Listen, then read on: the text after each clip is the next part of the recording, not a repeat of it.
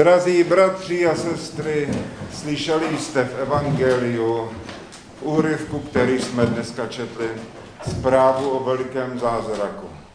Představte si ten úžas těch lidí, když viděli, že pět chlebů, pět chlebíčků a dvě rybičky nasycují tisíce lidí. Představte si, jak hleděli na to, jak Pán Ježíš Kristus láme ty chleby, těch pět chlebů, dává apoštolům, apoštolové dávají zástupům, kteří tam sedí v řadách na zemi a ono to neubývá. A všichni dostávají dost chleba a ryby na to, aby se nasytili. Zvláštní věc. Zázrak, který na první chvíli, kdyby někdo nevěděl, co se tam děje, tak by měl pocit, že se nic neděje, ani se neozývalo nějaké blízkání nebo hromy, ani z nebe nepromluvil hlas. Ale tak nějak nenápadně v tichosti děje se tady něco, co ti, kteří u toho byli a viděli to, to zná zvláště apoštolové, kteří nosili ty chleby, tak žasli. Pět chlebíčků a tolik lidí se nasytilo. A když ještě sebrali poté ty zbytky, které zůstaly z tohoto podivuhodného stolování, tak toho bylo několik plných košů.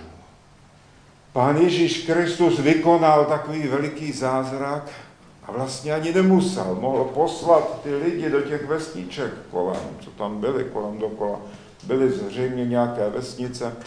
A poštole o tom hovořili a měli představu, tedy, že Pán Ježíš Kristus už má skončit dnes večer s uzdravováním a skázáním a s tím vším, co se tam celý den dělo a že má těm lidem říct, tak končíme, jste vyhladovělí, ať nepadnete někde po cestě, až se budete vracet domů, teď běžte, tamhle jsou vesnice, nakupte si nějaký ten chleba. Dalo by se ta věc vyřešit přirozeným způsobem. A přesto Pán Ježíš Kristus koná zázrak dokonce takový veliký zázrak. Proč? Chce tím něco říct, chce tím něco naznačit. Chce tím říct, že Bůh se o člověka chce postarat. To je taková základní linie, která se táhne tím dnešním tématem, tím dnešním příběhem. Pán Ježíš Kristus ukazuje, že Bůh tak miluje člověka, že se chce o něj postarat. Pokud mu to člověk dovolí. Jakým způsobem vlastně člověk může zabránit Bohu, aby se Bůh o člověka postaral. Jsou to věci, kterými se eh, člověk Bohu odcizuje. To znamená nedůvěra, vůči Bohu, čili nedostatek víry, mohli bychom říci, nebo odmítání Boha, vzpoura proti Bohu. Pak je to hřích, když člověk žije v rozporu s božími přikázáními. Tak co tím vlastně říká takovým způsobem života? Říká tím každým svým skutkem, každým hříchem, který člověk vykoná, tak tím Bohu vlastně posílá vzkaz. Tak tím Bohu říká, já tě nepotřebuji. Nepleť se mi do života. Já si budu žít tak, jak chci. A Bůh ve své milosti a lásce a úctě k lidské svobodě, tak to tak nechává. A jakoby Bůh zase tiše vysílá vzkaz člověku a říká, dobře, je to tvá volba. Dělej, co umíš. Žij si, jak chceš. Když myslíš, že ta cesta, po které kráčíš, tě dovede na nějaká dobrá místa, běž si. To, co dneska ale máme před očima, to je skutečnost, kde Bůh tedy nám říká, že se chce o člověka postarat se vším všudy. A zároveň nás tím vybízí, abychom se svěřovali do rukou Boží prozřetelnosti. To je další věc, další téma dnešní. Boží prozřetelnost. Všichni naši otcové, starci, a když člověk pročítá ty knihy výroku různých otců, kteří uspěli v duchovním životě a kteří žili tak, že porozuměli pravidlům duchovního života, tak tam všude najdete jednu věc. Ať už výslovně řečenou, anebo naznačenou. Že základním úspěchem, základní podmínkou k úspěchu v duchovním životě je absolutní důvěra v boží prozřetelnost. To znamená, že důvěřujeme tomu, že to Bůh s námi myslí dobře, že má všechny věci ve svých rukou a že pro nás chce jen to nejlepší. A protože boží péče o člověka nekončí tímto světem a věcmi tohoto světa, věcmi tělesnými a věcmi, které se tedy týkají tohoto dočasného přebývání zde, v tomto světě, tyto boží péče nemá za cíl uskutečnit nám zde největší možné blaho. Ale míří dál, protože Bůh vidí dál. My nevidíme za hranice smrti.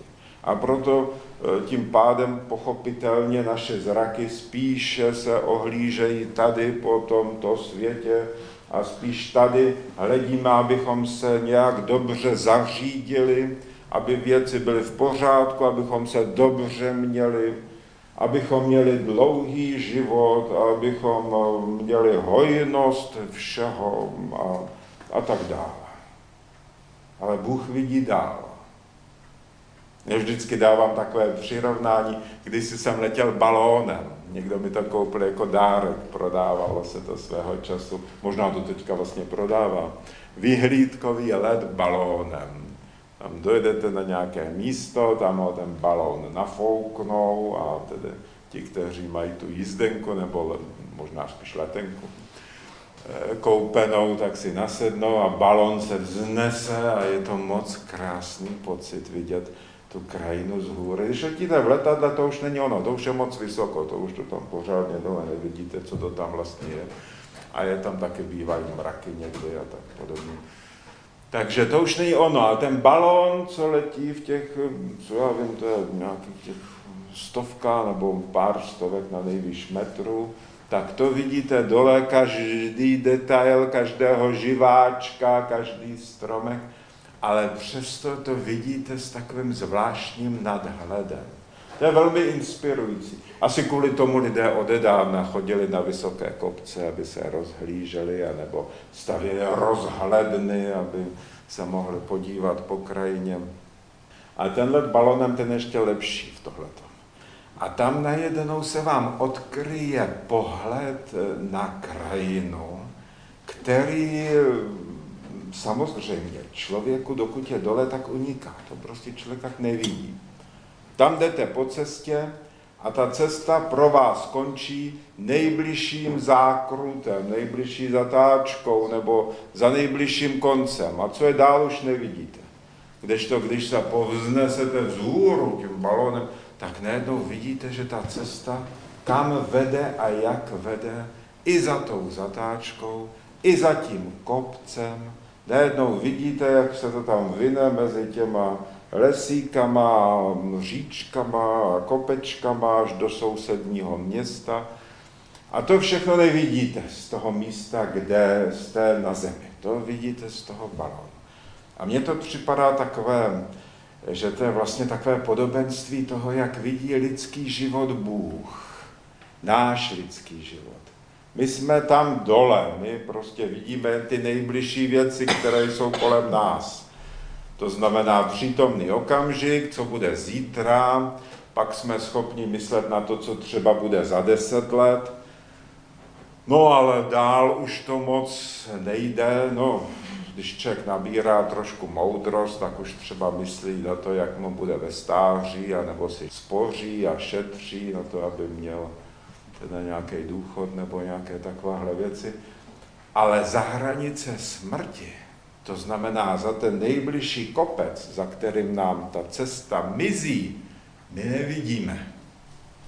Ale Bůh to dobře vidí a dobře vidí, kam vede cesta, po které jsme se vypravili. Nám ta cesta třeba přijde pěkná a máme pocit, že jsme si dobře vybrali. Ale Bůh vidí, že za tím kopcem, to znamená, že za smrtí, že vede na nějaká nedobrá místa, když to řeknu tak jemně. A tak svojí prozřetelností vstupuje do lidského života, mění a upravuje, spravuje náš život takovým způsobem, aby nás uvedl na dobrou cestu, na cestu, která vede na dobrá místa, no do Božího království prostě, do ráje, k sobě. Tedy k sobě, myslím tím, Bůh nás vede k sobě. A právě, abychom se pocvičili trošku v důvěře, v boží prozřetelnost, tak jednak Bůh učinil tento zázrak, aby ukazoval, jak má rád člověka, jak se o něj chce postarat a že se o něj opravdu stará a že má všechny věci ve svých rukou. A když žijeme duchovním životem, tak nás zase Bůh vede takovým způsobem, aby nás cvičil v důvěře v Boží prozřetelnost. Aby nás třeba i zkoušel nějakým způsobem. Vidíme na životech svatých velmi často. Právě to, jak Bůh ty lidi vede, jakým způsobem pracuje s jejich e, životy. A učí je, neustále člověka učí svěřovat se do péče toho vyššího rozumu. Na svaté hoře Atos třeba mají zvyk, že před jakýmkoliv důležitým rozhodnutím se ptají Boha nikdy nerozhodují nic vážnějšího i hned a rychle a na základě jaké momentální úvahy, ale co jsem tak četl, tak nejméně tři dny se modlí, nejméně, někdy 40 dnů bývá zvykem, když jde o vážnější a spletitější věci, tak se modlí a poté čekají na znamení z hůry pak čekají, co se stane, co by bylo možno vyložit jako odpověď. Co mají udělat. Jinak v obyčejných věcech tak člověk se má zachovat, když řeší nějaký problém a chce, aby to řešení bylo milé Bohu, tak se má zaprvé, má dbát na to, aby rozhodnutí, které učiní, aby bylo ve shodě s božími přikázáními. Protože pokud se člověk rozhodne pro něco, co je proti božím přikázáním, tak to nikdy není Bohu milé. To není nikdy správná cesta. Takže, aby to bylo ve shodě s božími přikázáními. Posléze tedy potažmo za to z kánony církve a nebo ještě obecněji řečeno s naší křesťanskou mravností a morálkou. To je základní takové kritérium, takové základní taková břitva, kterou od sebe oddělujeme věci dobré a špatné a podle kterých tedy se orientujeme a vybíráme si, když hledáme řešení nějakého problému, nebo když eh, přemýšlíme, jak se rozhodnout v nějaké volbě. Když eh, oba dva způsoby, obě dvě volby, vyhovují těmto kritériím, tak je důležité se poradit. Tak je důležité radit se, mnich jde za starcem, člověk ve světě se nejdřív může poradit s bratrem, o kterém ví, že to je zbožný člověk, může se poradit s knězem, může jet do monastýru a také se poradit se starcem, prostě hledá radu. A pokud ani to nepřinese výsledek, člověk stále neví, jak se zachovat, respektive obě dvě ty možnosti jsou nějakým způsobem přípustné, tak v takovém případě radí otcové, aby člověk učinil to, do čeho se mu méně chce. Aby prostě se trošku zapřel. Což samozřejmě se těžko poslouchá, nikdo to neslyší rád, takovou radu. Lidé říkají, no s takovýma radama. Ale to je způsob, jak se hledá eh, Boží vůle. A je to cesta, po které šli všichni, kteří uspěli v duchovním životě. Zajímavé, jak už jsem se zmínil, je sledovat to na životech svatých. A e, velmi poučné je číst život světce našich dnů, naší doby. Starce Paisie, svatohorce.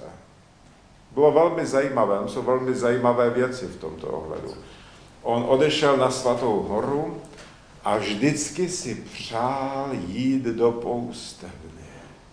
Modlit se o samotě, prostě být s Bohem, aby ho nic nerušil. Prostě tak nesmírně toužil po společenství s Bohem, že si přál právě poustevnu. Takže když se stal mnichem, tak jeho první cíl bylo dostat se do poustevny. Tak to zkoušel zařídit. Domluvil si s jedním námořníkem čas a místo, kde se setká, kde pro něj připluje lodičkou, měl vybraný nějaký pustý ostrov, který tam je, a chtěl se usadit na tom ostrově a sketicky tam žít. Tomu rybářovi nebo tomu námořníkovi zaplatil a říkal, ty pro mě tam přijedeš, odvezeš mě tam, necháš mě tam a o nic se nebudeš starat. Když přišel čas, tak námořník nepřijal. Neví starec Pajs, nebo aspoň neříká, co se stalo, prostě nepřijal. Tak další věc zkusili. S bratrem se domluvili, že půjdou na Katunaky. Místo na Atosu, kde právě jsou takové poustevny a kde žijí ti, kteří si přejí tento způsob života s Bohem. Byli domluvení, měli už odejít a když ráno, brzy ráno, ještě před rozedněním, starec přišel za tímto mnichem do Kélie, tak ten mnich mu řekl, že měl zrovna strašný sen o tom, jak oba dva šli spolu a zřítili se někam do hlubin. A protože starec Pajsi měl něco podobného, tak eh, se oba shodli, že není zřejmě vůle přes svaté Bohorodice, aby spolu do té katunáky odešli a tak zůstali na místě. Tak starec Pajsi dál přemýšlel, co bude dělat, jakým způsobem povede svůj život, jak se dostat do té poustevny.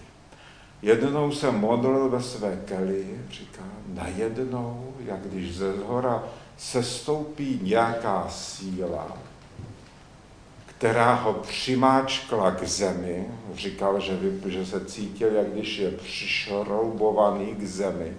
Nemohl se ani pohnout. A najednou vidí, starec tomu říkal, vidím jako v televizi, najednou vidí na obou stranách dva obrazy. Na jedné straně vidí katunáky a na druhé straně vidí vyhořelý monastýr Stomio, což byl monastýr, který ani nebyl na Atosu, ten byl normálně na pevnině, poblíž vesnice, konici, tam chodili světští lidé a tak dále. A, starec s touhou zhlédnul tam k tomu obrazu, když viděl ten obraz Katunákie a nějaký hlas, o kterém nepochyboval, že to byl hlas přes svaté Bohorodice, mu jenom řekl Stomio. Pajsi říkal, že vůbec nechápal, že se modlil k Bohu přes svaté Bohorodice a říká, proč jsem přišel na Atos proto, abych sloužil Bohu a přes svaté Bohorodici. A ty mě posíláš zpátky do světa. Bylo to pro něj nepochopitelné. Ale šel. Šel a skutečně určenou dobu strávil v tomto monastýru na pevnině vlastně mezi, dalo by se říct, světskými lidmi. Prostě následoval boží prozřetelnost. Byl vyzkoušen, Bůh ho vyzkoušel, aby ověřil, že opravdu je schopný činit i věci, kterým třeba nerozumí a které jsou i proti jeho představám. Nejenom proti vůli, ale i proti představám o zbožnosti. Protože někdy nám ukazuje Boží prozřetelnost cestu, která se nám zdá, že, je, že jsme chtěli prostě žít ještě něco zbožnějšího. A Bůh řekne ne. A posílá nás někam jinam. Jak se to stalo starci Pajsil. Prostě jsme stále učení a vyučováni v důvěře v boží prostřednost. A toto neplatí jen pro mnichy, to platí v nějaké míře pro každého z nás. Každý člověk má hledat, jaká je o něm boží prostředtelnost co se mnou Bůh zamýšlí a snažit se podle toho vést své kroky v životě. A být připraven i na to, že to bude jiné, než si představuje. No, tak vidíte, tak až k tomu nás dovedl dnešní zázrak, který vzpomínáme, proměnění chlebů, kdy nás tímto zázrakem Pán Ježíš Kristus nám ukazuje vždycky i na věcech hmotných a věcech tělesných a různých uzdraveních a různých zázracích, které se týkají našeho pozemského přebývání zde, tak nám vždycky ukazuje nebo nás odkazuje k věcem věčným a k věcem duchovního života protože to je naše cesta. Kvůli tomu jsme křesťané. Ne proto, abychom se dobře zařídili tady na zemi,